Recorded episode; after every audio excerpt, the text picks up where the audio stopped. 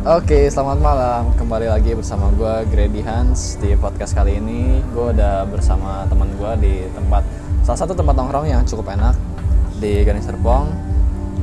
Dan teman gue ini udah lama ya gue kenal dari SMA lah kurang lebih ya. SMA. Oke, Ray. Lu boleh mungkin perkenalan diri Ray. Siapa itu Reynold Ansel? Nama lengkap dong, nama lengkap. Nama gue Reynold Ansel Lukman, umur 21 tahun, healthy, eh, badannya fit dan single. Single. Ya, Harus eh, single ya? Harus ditekan single. single ya? Single tapi mencari yang baik lah. Oke. Gue baru lulus dari kuliah dan sekarang gue masih menikmati rentang waktu gue, gap year gue di antara kuliah dan kerja. Oke. Sekarang kurang lebih nganggur gitu lah ya, Nganggur lah. nganggur.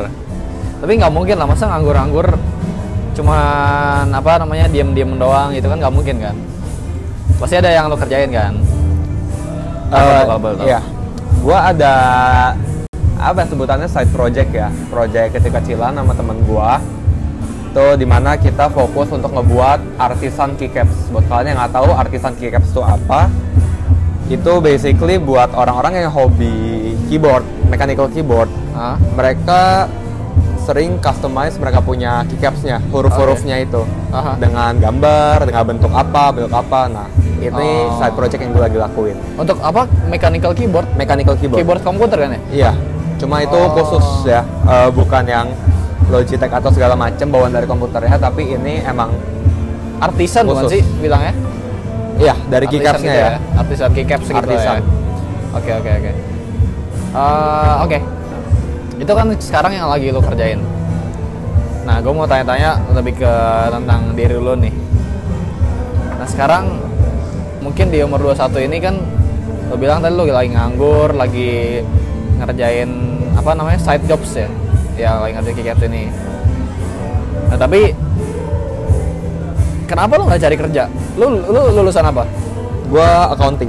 accounting. Nah, kenapa lo nggak cari kerja aja accounting? Kalau dari pikiran gua, sekarang gua lulus, puji Tuhan gua lulus tiga tahun. Oke. Otomatis gua satu tahun lebih cepat daripada normalnya kan. Ya. Dan di situ gua ngerasa bahwa gua ada bonus satu tahun yang gue bisa pergunain. Ya. dan gue pikir kenapa gue nggak coba bisnis dulu gue kenapa gue nggak coba ekspor hal-hal yang gue bakal limited gitu pas gue kerja ntar dan gue punya pola pikir sih kayak gini ya begitu lu lulus dari uh, kuliah lo lu bakal punya ijazah dong. Lu dapat ijazah gitu karena lu lulus. Dan ijazah itu nggak bakal ke mana-mana gitu. Ya. sedangkan umur lu bakal terus berlanjut. Kan nggak lucu kalau lu baru lu, lu lulus terus lu kerja di korporat atau kerja sama orang gitu ya. Lima tahun, enam tahun, tujuh tahun gitu ya. Lima tahun udah bagus lah tapi kalau misalnya lu sampai kerja kelamaan sebutlah lu udah mau nikah habis lu nikah lu baru mau coba-coba bisnis kan apa nggak riskan gitu? Lu ngeresikoin istri lu dan keluarga lu demi mimpi lu yang belum tercapai Oke, jadi intinya sekarang lo pengen bebas ngelakuin apa yang lo mau dan lagi coba-coba aja gitu ya. Oke. Ngomong-ngomong tentang kebebasan nih. Menurut lu di umur 21 kan ya? 21 sekarang ini apa sih kebebasan itu buat lo gitu? Eh, apa ya mungkin pretty simple ya kebebasan ya lu berhak untuk melakukan memilih apa pun yang lu mau lakukan dan apa yang lu mau pilih Nah, emangnya sebelum itu lu nggak merasa bebas gitu ya? Maksudnya lu, lu dari SMA, emang lu nggak bebas gitu? Dan lu bahkan kuliah kuliah di mana sorry? Di Sydney di Sydney ya. Di sini kan lu sendiri ya? Lu ngerantau ibaratnya lu pasti merasakan kebebasan yang bebas-bebas banget dong gitu kan. Sekarang eh, apakah lu merasakan kebebasan itu gitu? Lu bisa ngelakuin apa pun yang lu mau. Tapi kenapa lu nggak pilih kerja? Terus lu milih ini. Berarti itu kebebasan kan ya? ya eh, menurut gue ini kebebasan beda sama kebebasan kebebasan tadi lu sebutin sebelumnya ya karena di sini gue bisa menent eh, di sini gue posisi gue gue bisa menentukan apa yang bakal gue lakuin sampai ntar gue pensiun. Hmm. sampai gue gua nikah pensiun dan seterusnya ya. Di mana sebelumnya itu tuh gue nggak pernah ngelakuin apa yang emang benar-benar gue mau lakuin. Contoh kan kayak sekolah siapa yang emang dari awal pas kecil pun mau sekolah kan nggak ada gitu loh. Itu pun karena didorong sama orang tuanya. Nah, sampai titik pun di sekolah pun lu nggak ngelakuin apa yang lu mau ya. belum tentu. Ya ada beberapa case yang kayak gitulah. Oke menurut gua. Dan di kuliah pun juga kayak gitu. Nggak semua orang bisa pursue apa yang mereka mau gitu kan kondisinya. Itu pertama. Dan di sini sekarang gue bisa pilih apa yang gue mau pursue. Ah, kayak totally bebas itu apa yang bisa gue lakuin. Itu satu. Dan kedua gimana pun juga selama gue sekolah dan kuliah itu gue punya tanggung jawab. Dan rada relate ke poin gue pertama karena tanggung jawab itu belum tentu kita mau tapi gimana pun juga itu tanggung jawab harus kita pegang kan ya. dan gitu tuh ada satu genggam tanggung jawab yang kita nggak bisa nggak bakal bisa lepas gitu loh Ya. itu dan di sini kondisinya gue bisa pilih gue bisa ngelakuin apa yang gue mau dengan resiko yang jauh lebih kecil menurut gue Hmm. mungkin kehilangan duit ya mungkin kehilangan waktu tapi yang jelas gue nggak kehilangan pengalaman dan tetap gue akhirnya gain something di situ ya, Oke oke. Oke, gue mau nanya soal lu kuliah di Sydney. Nah, eh, mungkin banyak orang yang mau pergi kuliah ke luar negeri. Banyak orang yang mau pergi ke luar negeri, cuman kayak bingung gitu. Anjir, gue pergi ke luar negeri atau enggak ya? Soalnya kayak jauh banget, gue takut kenapa-napa. Em, dan gue kayak kayak gue bisa nggak ya? Apakah ntar gue bakal sendirian banget di sono atau gue bisa survive nggak ya gitu? Ada nggak sih pikiran-pikiran kayak gitu dan kalau boleh tahu ya ceritanya gimana sih lu lu di Aussie survive kayak gimana? Pasti kan ada ada banyak struggle nggak sih? ada banyak Eh, jadi buat orang-orang ada pertimbangan kayak gitu jujur pas gua dulu mau berangkat pikiran gua nggak ada ke arah sana dikit-dikit ada cuma nggak big deal bahkan mungkin bisa dibilang gua agak-agak lupa sama masalah itu sendiri Aha. karena kasusnya itu gua belum pernah keluar negeri sebelumnya Oke. dan ketika bonyok gue nawarin mau gak gue kuliah di luar- dan gue bilang iya itu tuh gue excited karena gue bakal ngelakuin suatu ad- adventure Aha. di mana kondisinya kan gue udah 18 tahun tinggal di kota yang sama di rumah yang sama dengan keluarga yang sama Iya. nggak ada sesuatu yang baru lagi gitu loh Ya. dan gue belum pernah keluar negeri Oke. nah itu mungkin salahnya gue ya dan buat orang-orang yang mikir mau kuliah keluar menurut gue harus banget pertimbangin ini gitu minimal tuh kalian tahu gitu environmentnya kayak gimana karena itu Environment apa nih? Sorry. environment di luarnya Contoh Lingkungan bisa- gitu atau sekolah eh, kuliahnya kayak gimana Eh, gitu. bisa di kuliah, bisa di lifestyle-nya Aha. dari sistem suatu negara, bisa lu mau ke Singapura, pasti itu tempat, oh mungkin itu tempat lebih ke arah sosialnya kurang. Oh ya. Mungkin mereka itu lebih ke arah yang orang-orang semuanya kerjanya keras, hustle kayak di Jepang gitu loh. Atau bahkan orang Indo semua gitu. Bisa juga, itu yang Iya. kalian masih pelajarin. Ya. Nah itu gua nggak pelajarin, dikit lah gue pelajarin ya. Di situ ya pas Iya, gue iya. cari uni, gue cari uni yang di, ya, orang Indonya dikit, Kenapa tuh? Lah, bukannya justru orang Indo dikit, eh justru orang Indo banyak yang malah lu senang gitu. Ada teman banyak. Eh, satu sisi dari sisi senang-senangnya iya. Menurut gua kalau mau dipertimbangkan sisi senang-senang ya, kalau kalian mau ngincar funnya juga, main-mainnya juga, menurut gua sih gak salah kalian pilih uni yang banyak orang Indonya. Ya. Dan menurut gua nggak sejelek itulah. Biasa Oke. orang-orang kan suka bilang jangan cari yang terlalu banyak orang Indo. Menurut gua nggak juga. Ah. Tapi yang gue pikirin sayang nggak sih lo keluar Oke. kalau terlalu banyak orang Indo, otomatis lo kurang ketemu orang luarnya. So Iya. mau seberapa mau seberapa ekstrovertnya, lo mau seberapa lo berjuang keluarnya, kalau tetap ada orang Indo, pasti akhir-akhir lo ketarik balik gitu. Percaya gue dan itu benar terjadi Oh. gitu. Kalau gue bahkan ketemu banyak kasus ya orang-orang yang emang dulunya main sama orang luar karena nggak tahu ada orang Indo lainnya. Dan dia Oh. begitu ketemu sama orang Indo, mereka itu main sama orang Indo dan orang-orang teman-teman orang luarnya itu jadi menjauh gitu loh, kejarak. Oh, kenapa? Karena orang Indo, menurut gue bukan cuma orang Indo ya, emang orang dari banyak culture juga ya, mereka bersekutu gitu loh.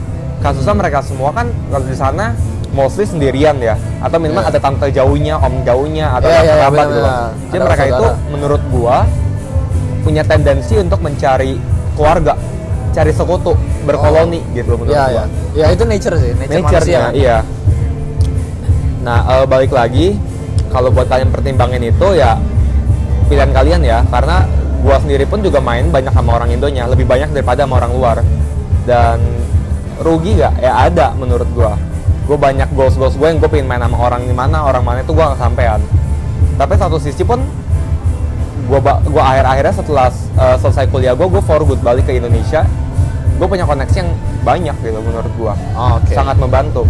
Ya, ya. jadi otomatis ya ada sebab akibat lah gitu loh. Ya. nggak semuanya buruk nggak semuanya baik juga. Dan tadi yang lu tanya apa ya? Oh struggle ya? Ya. nah iya. Kalian juga mesti pikirin bahwa kalian masih kuliah di negara yang kalian nggak kenal. Gimana pun juga mau kalian sesering apa pun datengin kan kalian nggak pernah benar-benar long term di situ stay gitu kan. Itu yang dulu gue lakuin. Eh sorry itu yang dulu gue pikirin gue pikir sana itu kayak "Ya udah kuliah doang yang gue nggak pikirin adalah gue harus hidup dan jadi one of them Ya. gue jadi tanda kutip gue harus jadi Australian gitu loh dengan gaya hidup Australia yang sampai seminggu nggak makan nasi Ah. di mana mana nggak bisa ngerokok Ya. orang-orangnya satu sisi nggak lebih sosial satu sisi juga lebih rasis Ya, itu. Nah, itu ya, kan yang ya. kalian nggak bakal pertimbangin terlalu banyak gitu loh karena kalian Iya. mikirnya kayak seakan-akan tuh jalan-jalan gitu loh Ya. sedangkan di mana kalian tuh bakal naik kereta bersama mereka jalan makan bareng mereka Aha. jalan papasan sama mereka naik bus pun ketemunya bule ketemunya mereka lagi gitu loh Iya, iya. dan itu tuh nggak bisa dihindarin gitu menurut gua Ya. kecuali ya kecuali kalian mau ngekat relationship kalian dengan orang-orang gitu contoh misalnya ya mainnya sama orang Indo nggak ketemu orang bule sama sekali Ya. Atau mungkin kalian beli mobil nggak naik bus nggak perlu ngobrol sama orang gitu kan menurut gue itu tapi satu sisi kalau kalian terlalu khawatir juga jangan Ah. karena itulah serunya Aha. jangan menurut gue ya yang gue bener-bener menurut gue hoki juga gue ngelakuin ini karena tanpa sadar itu gue nggak banyak main kayak ke kasino atau Ah. ke gitu-gituan karena kan biasa orang Indo kita nggak boleh kasino gitu contohnya contohnya kasino ya. Ya. nggak boleh kasino dan akhirnya pas sampai sana ngelunjak kan. Ya, ya, ya. mau langsung kasino norak gitu kan awal-awal. Eh bukannya gue pernah gue sendiri juga belum pernah gitu loh. Tapi gue pikir kan apakah yang gue incer kasino atau yang gue incer experience gue gitu. Ya.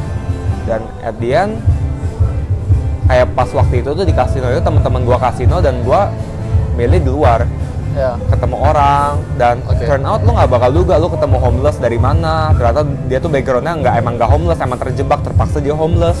Oke. itu gue banyak banget ketemu kasus yang unik-unik menurut gue Hmm, dan ya gitu sih. Uh, overallnya sih jangan khawatir ya. Jangan khawatir terlalu banyak. Persiapin persiapin tapi jangan overthinking gitu loh. Oke. itu nggak seburuk apa yang kedengarannya tapi nggak seindah itu juga gitu ya Oh, oke. Eh, ngomong-ngomong nggak seindah itu juga, itu kan pasti lu kuliah di luar negeri mahal kan?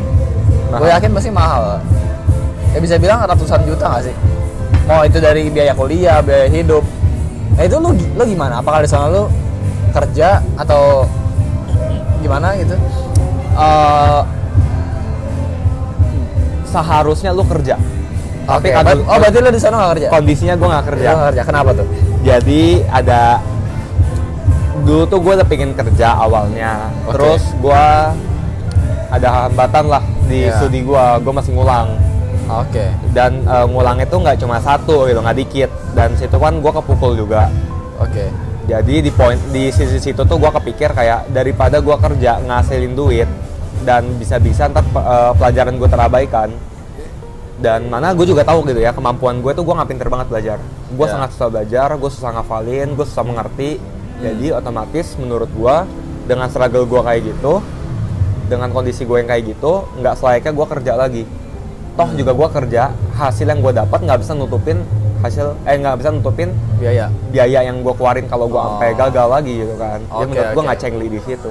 dan dan dan kuliah lo juga termasuk susah lah ibaratnya gitu lo istilahnya harus belajar yang belajar banget gitu nggak bisa lo part time kerja habis itu lo belajar gitu Tergantung orang sih ya sebenarnya. tapi di sebenarnya. kondisi lo lo saat itu harus yang tipenya ah, entah gimana kondisinya nggak bisa lah gitu nggak bisa, kerja. ya buat gue. oke tapi apakah memungkinkan untuk kerja sambil belajar Mungkin, Di mungkin Australia? banget. mungkin Eh, banget ya ya kebanyakan temen gue kuliah sambil kerja dia Oh, dan oke. bahkan kerjanya pun yang sampai menurut gue itu kelewatan lah Aha, aha. sampai seharusnya mereka cut di situ tapi mereka tetap kayak ada panggilan ambil panggilan ambil gitu dan Oh. eh, bisa banget dan turn out mereka baik-baik aja jalannya so far jalannya lancar dan Ah. bahkan nggak ngalamin apa yang gue alamin gitu nggak nggak Oke. nggak harus gagal di pelajaran Berarti itu tergantung pilihannya nggak sih? Lu mau benar-benar serius kuliah dan ambil mata pelajaran yang menurut lu susah, tapi lu serius kuliah atau ya udah kuliahnya santai-santai aja, pilih pelajaran yang nggak terlalu berat, habis itu part time kerja gitu ya? Iya, Tapi betul. orang beda-beda kan. Oke oke. Nah sekarang ketika lu udah lulus, eh, sekarang lu di Indo udah balik kan ya? Berarti sekarang lagi hitungannya gap year nggak sih? Cepet Iya. Gap year yang lu Iya, bilang tadi year. lebih cepat setahun. Habis itu sekarang lagi ngerjain eh, segala macamnya itulah yang tadi lu bilang keycaps itu. Nah, gue mau nanya tentang rencana lo ke depan nih. Rencana lo ke depan selama ya dua tahun tiga tahun ke depan lah. Apa yang bakal lo lakuin selain si keycaps ini gitu? Em, kalau ke gua, gua udah pasang deadline ya. Jadi gua persiapin plan B gua di mana kalau ini semua amit-amit jangan sampai gagal, tapi gagal, kan gua masih harus punya plan ke depannya. Dan situ gua akhirnya gua tetapin waktu. Gua di tahun 2020 pertengahan ya eh, masih belum ada tanggal atau bulan pastinya tapi mungkin sekitar pertengahan kalau gue masih belum ada menghasilkan duit sama sekali gue belum bisa biayain hidup gue sendiri ya gue harus kerja Oke. Berarti eh, istilahnya jaring amannya itu kerja lah ya. Iya. Lu gunakan ijazah Aussie lo gitu. ya Ya ya ya. Oke. Lo single sekarang?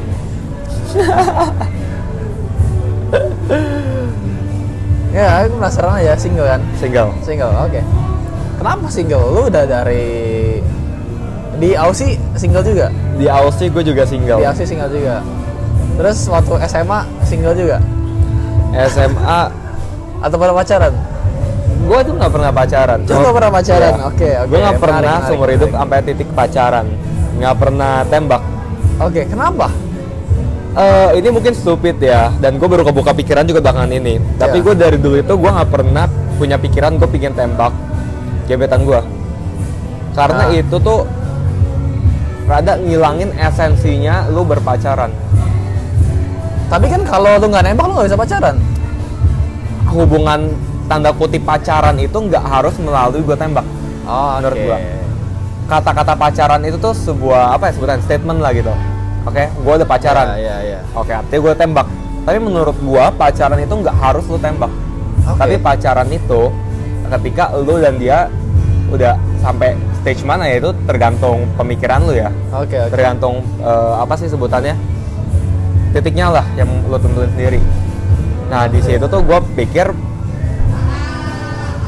rada nggak bukan nggak berguna tapi kayak eh, pointless aja gitu buat apa gua tembak kalau emang nggak ada oke-nya gitu loh menurut gua dan menurut eh, menurut gua lagi ya kalau lu tembak cewek dulu ya ketakutan gua itu adalah Ditolak.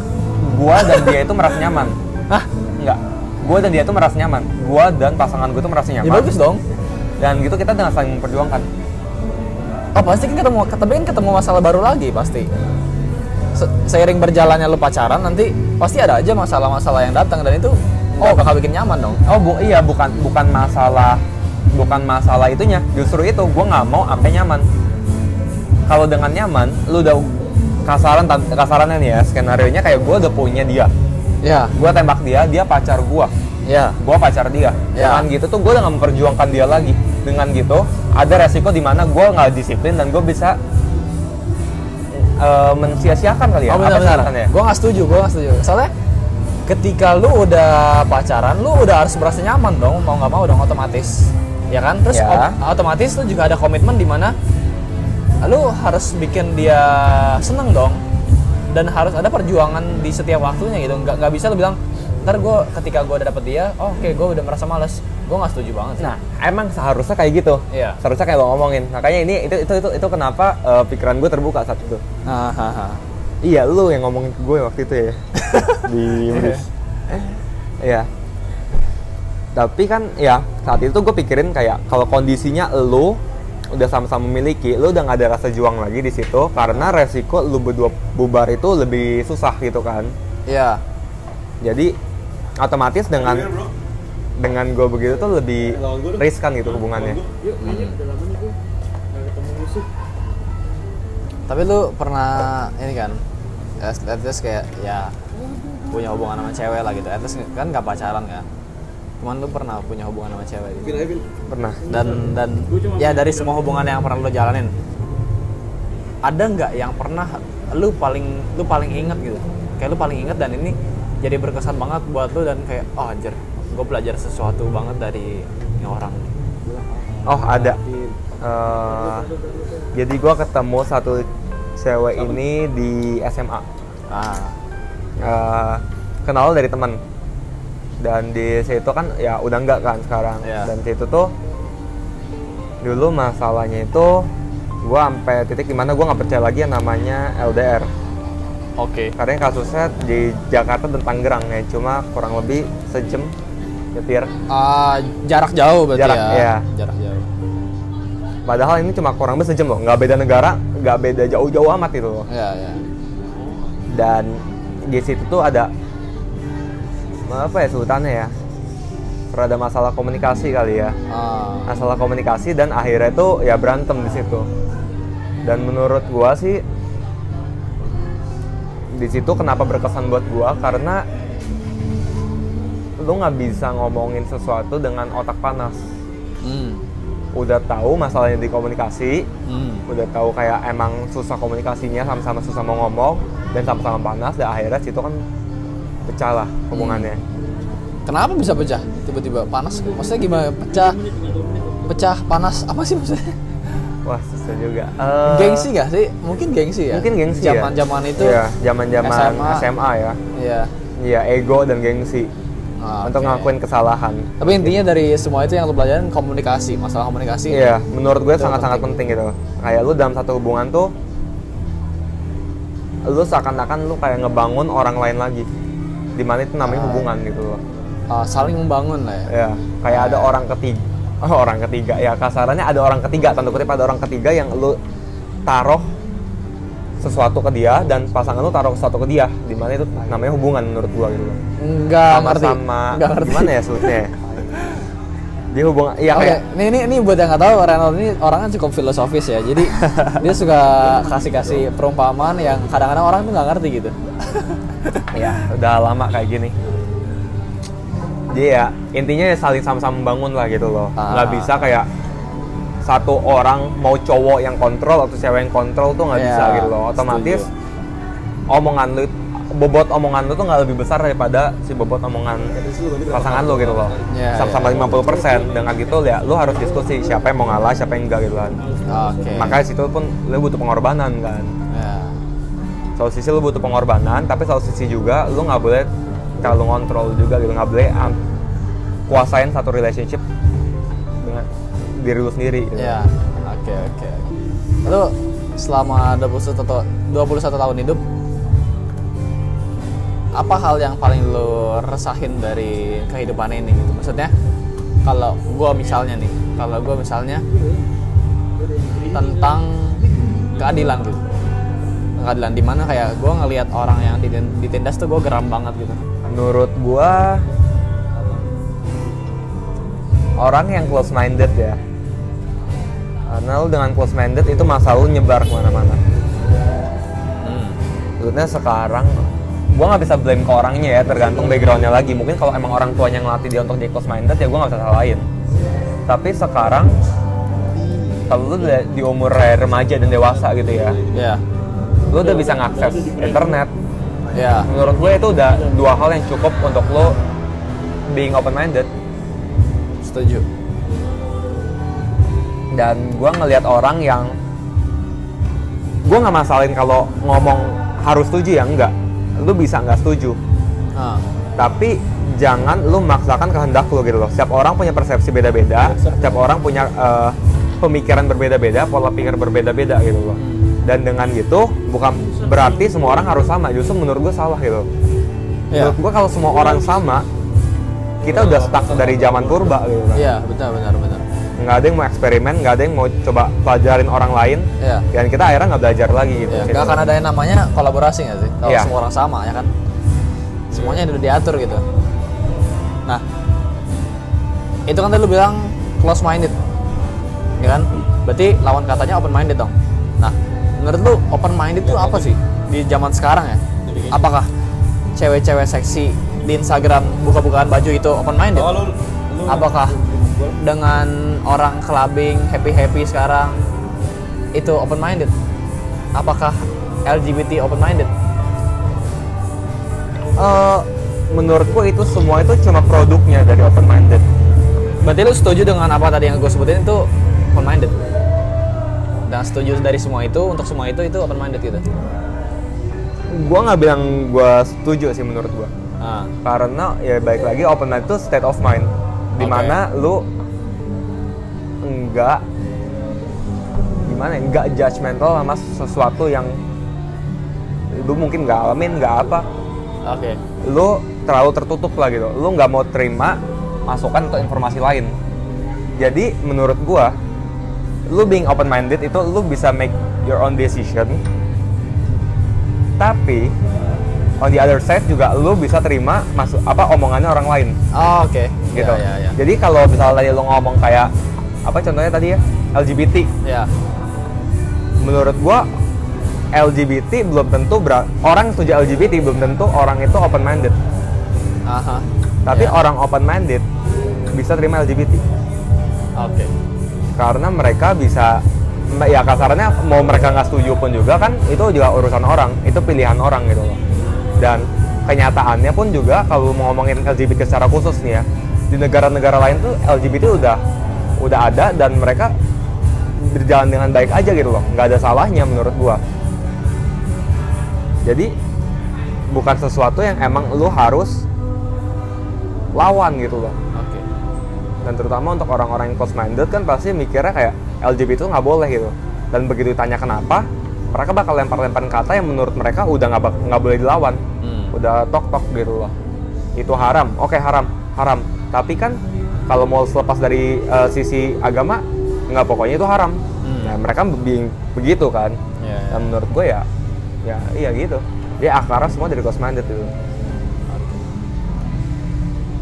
Kalau dari in general orang Indonesia menurut lu sekarang apakah umuran-umuran kita sekarang itu udah open minded gitu? Eh, mulai open minded Mulai open minded. tapi belum semuanya ya Ya, in general lah. ya Ya. karena menurut ya ya menurut gua Indonesia ini udah mulai banyak perubahan Hmm. udah dan udah mulai bisa terima banyak perubahan juga. Yang mungkin udah, udah terjadi lagi berlangsung atau bakal berlangsung di masa depan gitu ya. Tapi on proses lah gitu. Dan menurut gue ya ini udah cukup. Setengahnya aja open minded itu menurut gue udah cukup gitu loh. Karena namanya juga kan proses. Lu nggak bisa mendadak merubah seseorang. Ya, Oke. gitu. Dan dengan posisi menurut gua Indonesia udah bisa kayak gini itu sudah termasuk cepat dan progresnya bagus. Oh, oke. Oke, Ray. Karena udah lumayan lama, terakhir pertanyaan gua. Itu biasa. Satu kata atau satu kalimat yang menggambarkan lu banget sekarang. Kayak, eh wah ini kata-kata nih gua banget nih. Em, ini bukan kata kalimat buatan gua ya ini gua nggak sengaja ketemu dari awal dari YouTube tapi ya abis itu gua track ini kata-kata dari mana dan turn out ini kata-kata dari Don Quixote kalau nggak salah bacanya gitu. Itu dari novel tahun 1800-an di mana dia ngomong kayak gini. Ketika hidup itu uh, seems lunatic gila. Ya lu nilai deh. who knows where madness lies. Di mana uh, kegilaan itu berada. Mungkin terlalu praktikal mungkin itu gila. untuk uh, uh, untuk mengalah dari mimpi mimpimu mungkin ini gila. Tapi paling gila dari semuanya itu untuk melihat hidup demikian rupa bukan sebagaimana itu seharusnya. Siapa simpulin simpulin itu jadi satu kata. Ah susah juga. Yang lu itu kan dia panjang tuh. Pasti Oke. tapi lu dapat intinya kan kayak apa gitu satu kata aja. Menurut gua intinya lu happiness itu tuh nggak terletak di satu titik Karena- happiness nggak terletak di satu titik Iya, happiness tuh nggak bisa didefine oleh society. Happiness itu bebas lu mau ngedefine apa yang lu mau senengin. oke kalau gue bisa simpulin kata-kata kebahagiaan itu datang dari diri sendiri Iya, kurang lebih kayak gitu kurang lebih kayak gitu. Oke. Kenapa orang lo? Kenapa? Kenapa? Kebahagiaan itu datang dari sendiri gitu. Karena menurut gua nggak fair aja buat diri lu sendiri kalau lu harus happy berdasarkan pilihan orang. Dengan di dengan lu punya uang dan lu beli Lambo, lu happy. Menurut gua itu salah gitu loh. Dan itu yang digambarkan oleh society sekarang gitu loh. Oke. Lu punya makin banyak uang, lu happy. Menurut gua happy itu bukan masalah uang ya, simply lu happy. Lu beli satu Lambo, lah. belum tentu sehappy anak di Pakistan dapat satu satu genggam nasi. Karena happiness itu nggak sedukur dengan material gitu, dengan apa yang lu mau. Oke. Jadi happiness datang dari kebahagiaan datang dari diri sendiri. diri sendiri. Oke, thank you Ray atas waktunya untuk ngobrol-ngobrol. Dan sekian dari podcast gue kali ini. Renault Ansel Lukman, kebahagiaan datang dari diri sendiri. Thank you Ray. Yo, thank you. Oke, untuk semuanya, listen everywhere and let's hear about it. Thank you.